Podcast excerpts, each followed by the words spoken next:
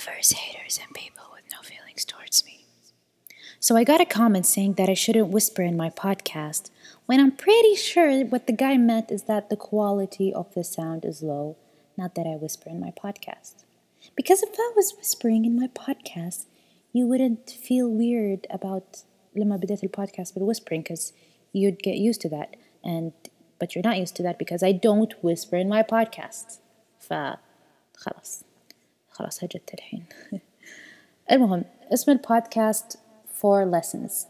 إحياء لأول بودكاست سويته أول مرة في حياتي. كان قبل أربع سنين. وكان يتضمن أربع lessons.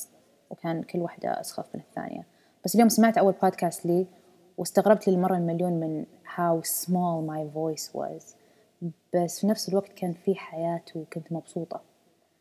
And now I wonder why my voice الحين is so monotone and depressing المهم ما علينا خلينا نبدأ بالفيرست lesson كنت أشوف موفي تسمعون البزر اللي قاعد يحكي برف الشارع like shut the fuck up kid المهم كنت أشوف موفي called He's Not That Into You. Now, don't worry, this is not about relationships and trust me I'm going somewhere with this. اللي ما شاف الموفي هو عبارة عن بنت تصير في علاقات فاشلة وكل ما تدخل في علاقة عندها أمل كبير إنها بتنجح لأنها دائما تسمع إن مثلا صديقة أم خالة جدتها من عم أبوها دخلت في علاقة مشابهة ونجحت.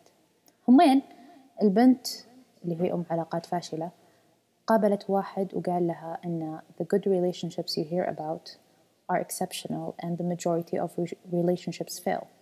فالنقطة اللي بوضحها هي كم من موقف يمر في حياتنا ونحسب إنه بس عشان ننجح مع آخرين المفروض ينجح معنا والهدف من هذا كله إني أقول لكم every situation is different don't compare your situation with someone else's because the chances of the same of getting the same exact result is very are very rare so take the situation as it is don't give it an ultimatum by defining it as موقف فاشل أو موقف ناجح and don't be fooled by the idea that a thing is supposed to be this way a lot of things are not supposed to be done in one way or in a certain way ولا أصلا كان ما تغير العالم so bottom line know that there are ways around الموقف or whatever and just do whatever floats your boat the second lesson the second lesson is kind of related to the first one uh, so, like I said, get the the idea of and uh,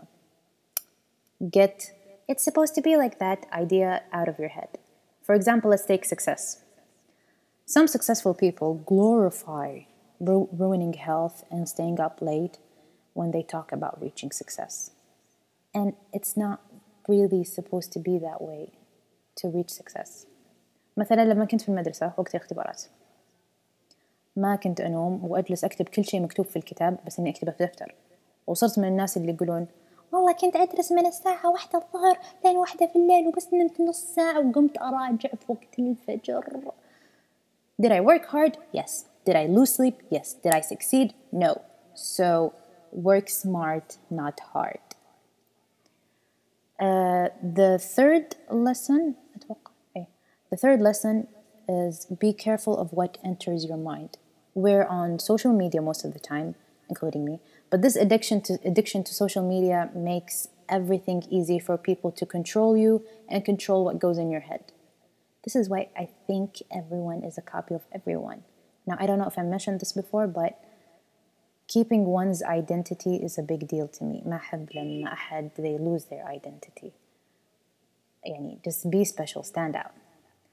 المهم so nowadays you see comments that are the same but from different people And وصلنا نهتم مواضيع إحنا أصلا مو بلازم نهتم فيها. مثلا okay like even if you're not initially interested in what people are talking about but you can't help but get drawn into this fuss.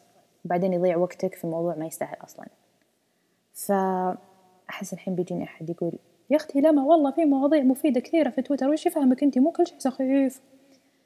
إي أدري إن في مواضيع مفيدة في تويتر يعني خلاص خلاص يكفي كومنتات؟ بديهيه انا قاعده احكي عن المواضيع الخربطيه اللي زي وجهك اوكي فالمهم what I'm trying to say is read something different read about the questions that make you stay up at night and I'm sure your questions don't revolve around Halima وشعيب والiPad. And finally, just make it a habit to look up everything until the answers make sense to you or satisfy you. Um, lesson number four not everyone cares about you, sweetie, and not everyone cares about your opinion. في ناس بس يبغون يقولون رأيهم وهم أصلا قاعدين يسمعون رأيك. So avoid discussions that you think the point of them is to offend you rather rather than to understand you. خلينا نقول مثلا لين جاني نقاش عقيم أبدا ما أحب أتعب نفسي في إني أثبت وجهة نظري حتى ممكن أقول للشخص يا صح عليك هذا قاعد يصفق له فممكن أقول صح عليك وكلام صح عليك إيه، صح عليك كلامه وأخليه مبسوط في نفسه وأنا أصلا مع نفسي مو مقتنعة باللي قاعد يقوله وما يهمني إذا هو حسب إنه إنه فاز في النقاش أهم شيء أنا أعرف رأيي وقناعاتي وأمشي عليها The fifth lesson doesn't exist because this podcast is called Four Lessons. Thank you for listening. Bye bye.